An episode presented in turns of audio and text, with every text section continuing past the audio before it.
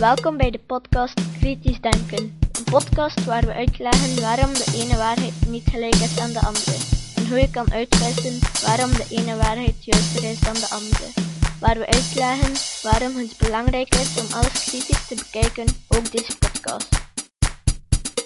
Goeiedag, het is vandaag zondag 4 april 2010. Ik ben Jozef van Giel en dit is de 52e aflevering van deze podcast. Deze aflevering kwam tot stand mede dankzij Rick de Laat. Vandaag spreken we over acupunctuur. Ik ging dat even opzoeken in het woordenboek van de scepticus en vond volgende beschrijving. Acupunctuur is een traditionele Chinese genezingstechniek om qi of qi te deblokkeren door naalden te steken op bepaalde punten in het lichaam, waardoor de tegengestelde krachten yin en yang in balans worden gebracht. Qi is een energie waarnaar verluid alles van doordrongen is. Men gelooft dat het door het lichaam stroomt langs veertien hoofdbanen die meridianen worden genoemd. Wanneer yin en yang in harmonie zijn, stroomt qi vrij door het lichaam en is de persoon gezond. Wanneer iemand ziek, ziekelijk of gekwetst is, wordt qi op een van de meridianen versperd. De traditionele Chinese geneeskunde heeft een vijfhonderdtal specifieke punten geïdentificeerd waar naalden in worden gestoken voor specifieke effecten. Acupunctuur wordt al meer dan 2000 jaar beoefend in China, hoewel sommigen denken dat het al 4000 jaar bestaat. Tegenwoordig zijn de naalden gekruld, verwarmd of zelfs voorzien van een zwakke elektrische stroom, ultrasoon of bepaalde golflengten van licht. Maar welke methode ook wordt gebruikt, wetenschappelijk onderzoek kan nooit aantonen dat het deblokkeren van chi door acupunctuur of door andere manieren doeltreffend is tegen welke ziekte ook. Chi wordt immers omschreven als onwaarneembaar door de methoden van empirische wetenschap. Een variante van traditionele acupunctuur is auriculotherapie of ooracupunctuur. Het is een diagnose- en behandelingsmethode die gebaseerd is op het onbewezen geloof dat het oor een kaart is van de lichaamsorganen. Bijvoorbeeld, een probleem met een orgaan zoals de lever moet worden behandeld door het steken van een naald op een bepaald punt op het oor, dat het overeenkomstige punt zou zijn voor dat orgaan. Gelijkaardige theorieën over een lichaamsdeel als orgaankaart vinden we terug bij beoefenaars van iriscopie, de iris is de lichaamskaart, en reflexologie, de voet is de lichaamskaart. Nietjespunctuur, een variante van auriculotherapie, plaatst nietjes op sleutelpunten op het oor en hoopt daarmee bepaalde zaken te verwezenlijken, zoals iemand helpen stoppen met roken. De traditionele Chinese geneeskunde is niet gebaseerd op de kennis van moderne fysiologie, biochemie, voedingsleer, anatomie of om het even welk gekend genezingsmechanisme. Het is evenmin gebaseerd op de kennis van celscheikunde, bloedsomloop, zenuwfunctie of het bestaan van hormonen of andere biochemische stoffen. Er is geen enkel verband tussen de meridianen die in de traditionele Chinese geneeskunde worden gebruikt en de eigenlijke indeling van de organen en zenuwen in het menselijke lichaam. Het Amerikaanse National Council Against Health Fraud, NCAHF, of de Nationale Raad tegen Gezondheidsbedrog, beweert dat van de 46 medische tijdschriften die de Chinese Vereniging voor Geneeskunde publiceert, geen enkel is gewijd aan acupunctuur of andere traditionele Chinese geneeswijzen. Niettemin wordt geschat dat tussen 10 en 15 miljoen Amerikanen jaarlijks samen 500 miljoen dollar uitgeven aan acupunctuur voor behandeling van aids, allergieën, astma, artritis, blaas- en nierproblemen, bronchitis, constipatie, depressie, diarree, duizeligheid, verkoudheden, vermoeidheid, griep, gynaecologische kwalen, hoofdpijn, hoge bloeddruk, migraine, verlamming, PMS, ischias, seksuele problemen, roken, stress, hartaanval, peesontsteking en gezichtsproblemen. Empirische studies over acupunctuur staan nog in hun kinderschoenen. Dergelijke studies negeren theorieën die gebaseerd zijn op metafysica, zoals het deblokkeren van chi in de meridianen, en proberen oorzakelijke verbanden te vinden tussen het steken van naalden in traditionele of niet-traditionele acupunctuurpunten en fysieke gevolgen. Desondanks bieden vele traditionele artsen en ziekenhuizen acupunctuur aan als aanvullende behandeling. De medische opleiding in Los Angeles van de Universiteit van Californië heeft een van de grootste acupunctuurcursussen in de Verenigde Staten voor gediplomeerde artsen. De 200 uur durende cursus wordt jaarlijks door bijna 600 artsen gevolgd. Volgens de American Academy of Medical Acupuncture, Amerikaanse Academie voor Medische Acupunctuur, hebben zo'n 4000 Amerikaanse artsen de cursus acupunctuur gevolgd. In maart 1996 klassificeerde de Amerikaanse Food and Drug Administration (FDA) acupunctuurnaalden als medische instrumenten voor algemeen gebruik door gediplomeerde professionelen. Tot dan toe waren de naalden geclassificeerd als klasse 3 medische instrumenten, wat betekent dat hun veiligheid en nut zo onzeker waren dat ze enkel in goedgekeurde onderzoeksprojecten konden worden gebruikt. Omwille van die experimentele status hadden vele verzekeringsmaatschappijen, evenals Medicare en Medicaid, geweigerd om acupunctuur te dekken. Deze nieuwe toewijzing betekent meer beoefening van acupunctuur en meer onderzoek met behulp van naalden. Het betekent ook dat verzekeringsmaatschappijen voortaan mogelijk niet anders kunnen dan de nutteloze en hoogst twijfelachtige acupunctuurbehandelingen voor een waaier aan kwalen te dekken. Toch heeft Wayne B. Jonas, directeur van het Amerikaanse Office of Alternative Medicine, Bureau van Alternatieve Geneeskunde, aan de National Institute of Health, het Nationale Gezondheidsinstituut, in Bethesda, MD gezegd dat nieuwe klassificatie van acupunctuurnaalden een heel wijze en logische beslissing is. Het Office of Alternative Medicine steunt, dit wil zeggen, wil heel wat belastingsgeld uitgeven aan nieuwe studies over de doeltreffendheid van acupunctuur. De meest voorkomende verdediging voor acupunctuur begaat de pragmatische denkfout. Men beweert dat acupunctuur werkt. Wat betekent dat? Het betekent zeker niet dat het steken van naalden in het lichaam ervoor zorgt dat chi wordt gedeblokkeerd. In het beste geval betekent het dat het wat medische last verlicht. Vaak betekent het enkel dat de klant tevreden is, dit wil zeggen zich op het moment zelf beter voelt. Het NCAHF publiceerde een stellingname. Onderzoek in de voorbije twintig jaar heeft niet kunnen aantonen dat acupunctuur doeltreffend is tegen ziekte. En dat, de waargenomen gevolgen van acupunctuur waarschijnlijk te wijten zijn aan een combinatie van verwachting, suggestie, contra-irritatie, dit is het irriteren van de huid zodat de onderliggende pijn wordt gemaskeerd, conditionering en andere psychologische mechanismen.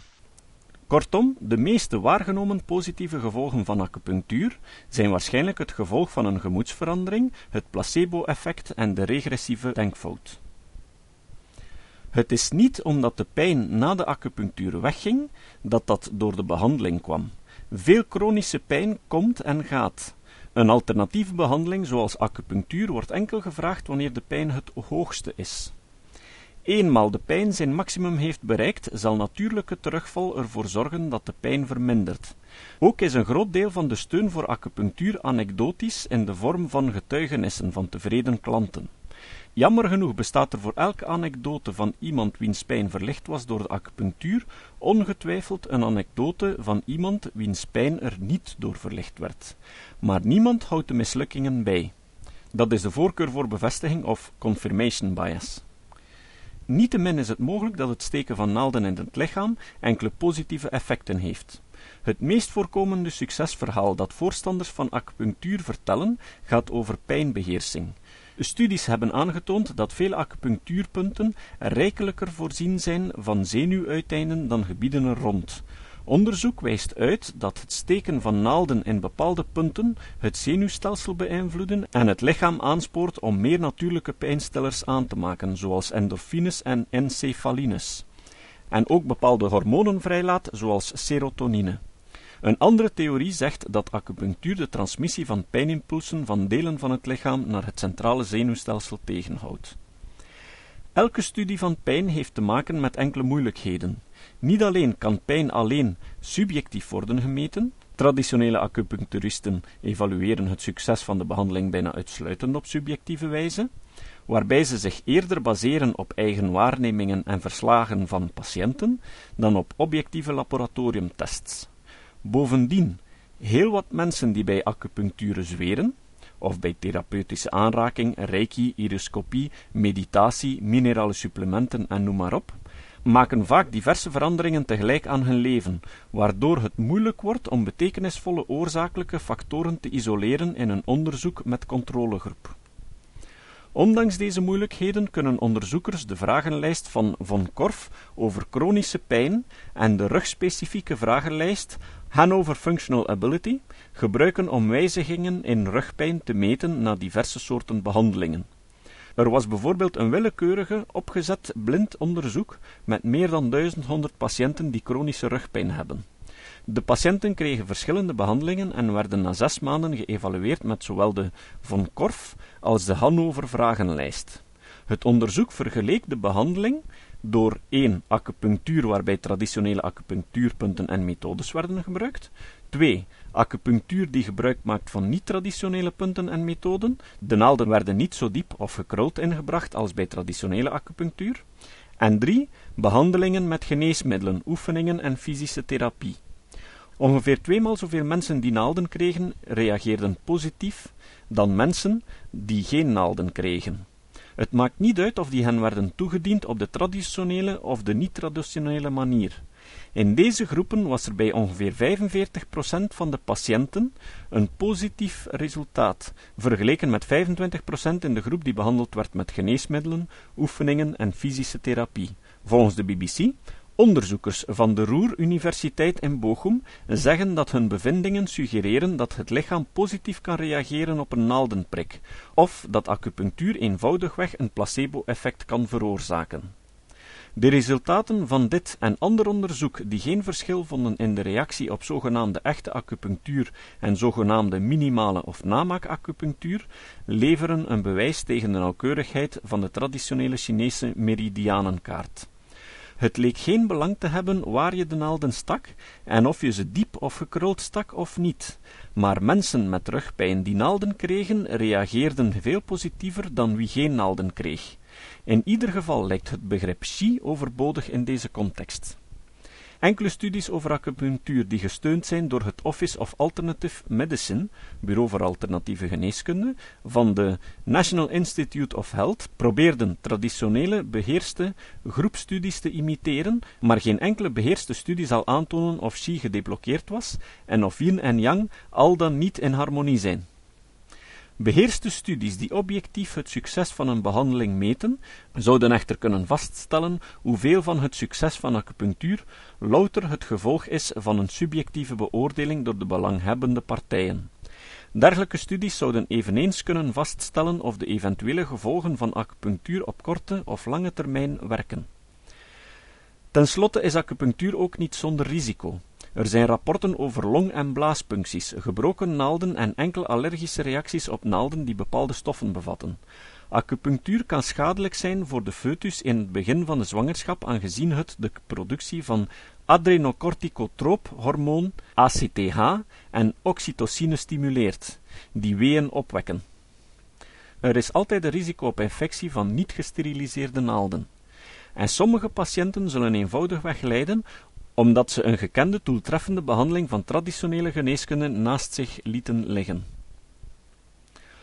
Onlangs las ik een artikel over acupunctuur op de website van Reuters, die ik hieronder vertaald heb. Acupunctuur kan ernstige ziekten verspreiden. Experts waarschuwen dat bacteriële infecties hepatitis B en C, mogelijk zelfs HIV, bij acupunctuur worden overgedragen door het gebruik van besmette naalden, katoenen zwachtels en hotpacks. In een artikel gepubliceerd in het British Medical Journal melden microbiologen van de Universiteit van Hongkong dat het aantal wereldwijd gerapporteerde infecties als gevolg van acupunctuur de tip van de ijsberg zijn en ze roepen op om hier strenger op toe te zien. Om infecties overgedragen door acupunctuur te vermijden, zouden controlemaatregelen moeten worden ingevoerd, zoals het gebruik van wegwerpnaalden, huidontsmettingsprocedures en steriele technieken, schreven de onderzoekers geleid door Patrick Wu, microbioloog aan de Universiteit van Hongkong. Striktere regulatie en erkenningsvoorwaarden zijn ook nodig.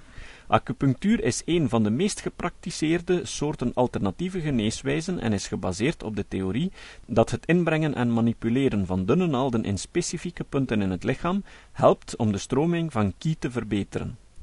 Het heeft zijn oorsprong in het oude China en is in de laatste decennia vrij verspreid geraakt in het Westen, vooral voor pijnbestrijding. Het wordt onder andere ook gebruikt tegen obesitas, constipatie en artritis, alhoewel het wetenschappelijk bewijs hiervoor dubieus is. Wu en zijn collega's zeiden dat acupunctuur risicovol kan zijn aangezien naalden verschillende centimeters onder de huid worden gedrukt. Ze verwittigen voor een nieuw syndroom in de 21ste eeuw. Acupunctuur mycobacteriosis. Dit is een infectie dat veroorzaakt wordt door mycobacteria die snel groeien rond het acupunctuurinvoerpunt als gevolg van verontreinigde katoenwindsels, handdoeken en hotpakdoeken. De incubatieperiode is redelijk lang, maar de infectie leidt meestal tot grote abscessen en zweren, schrijven ze. Tot nu toe zijn er wereldwijd meer dan 50 gevallen beschreven.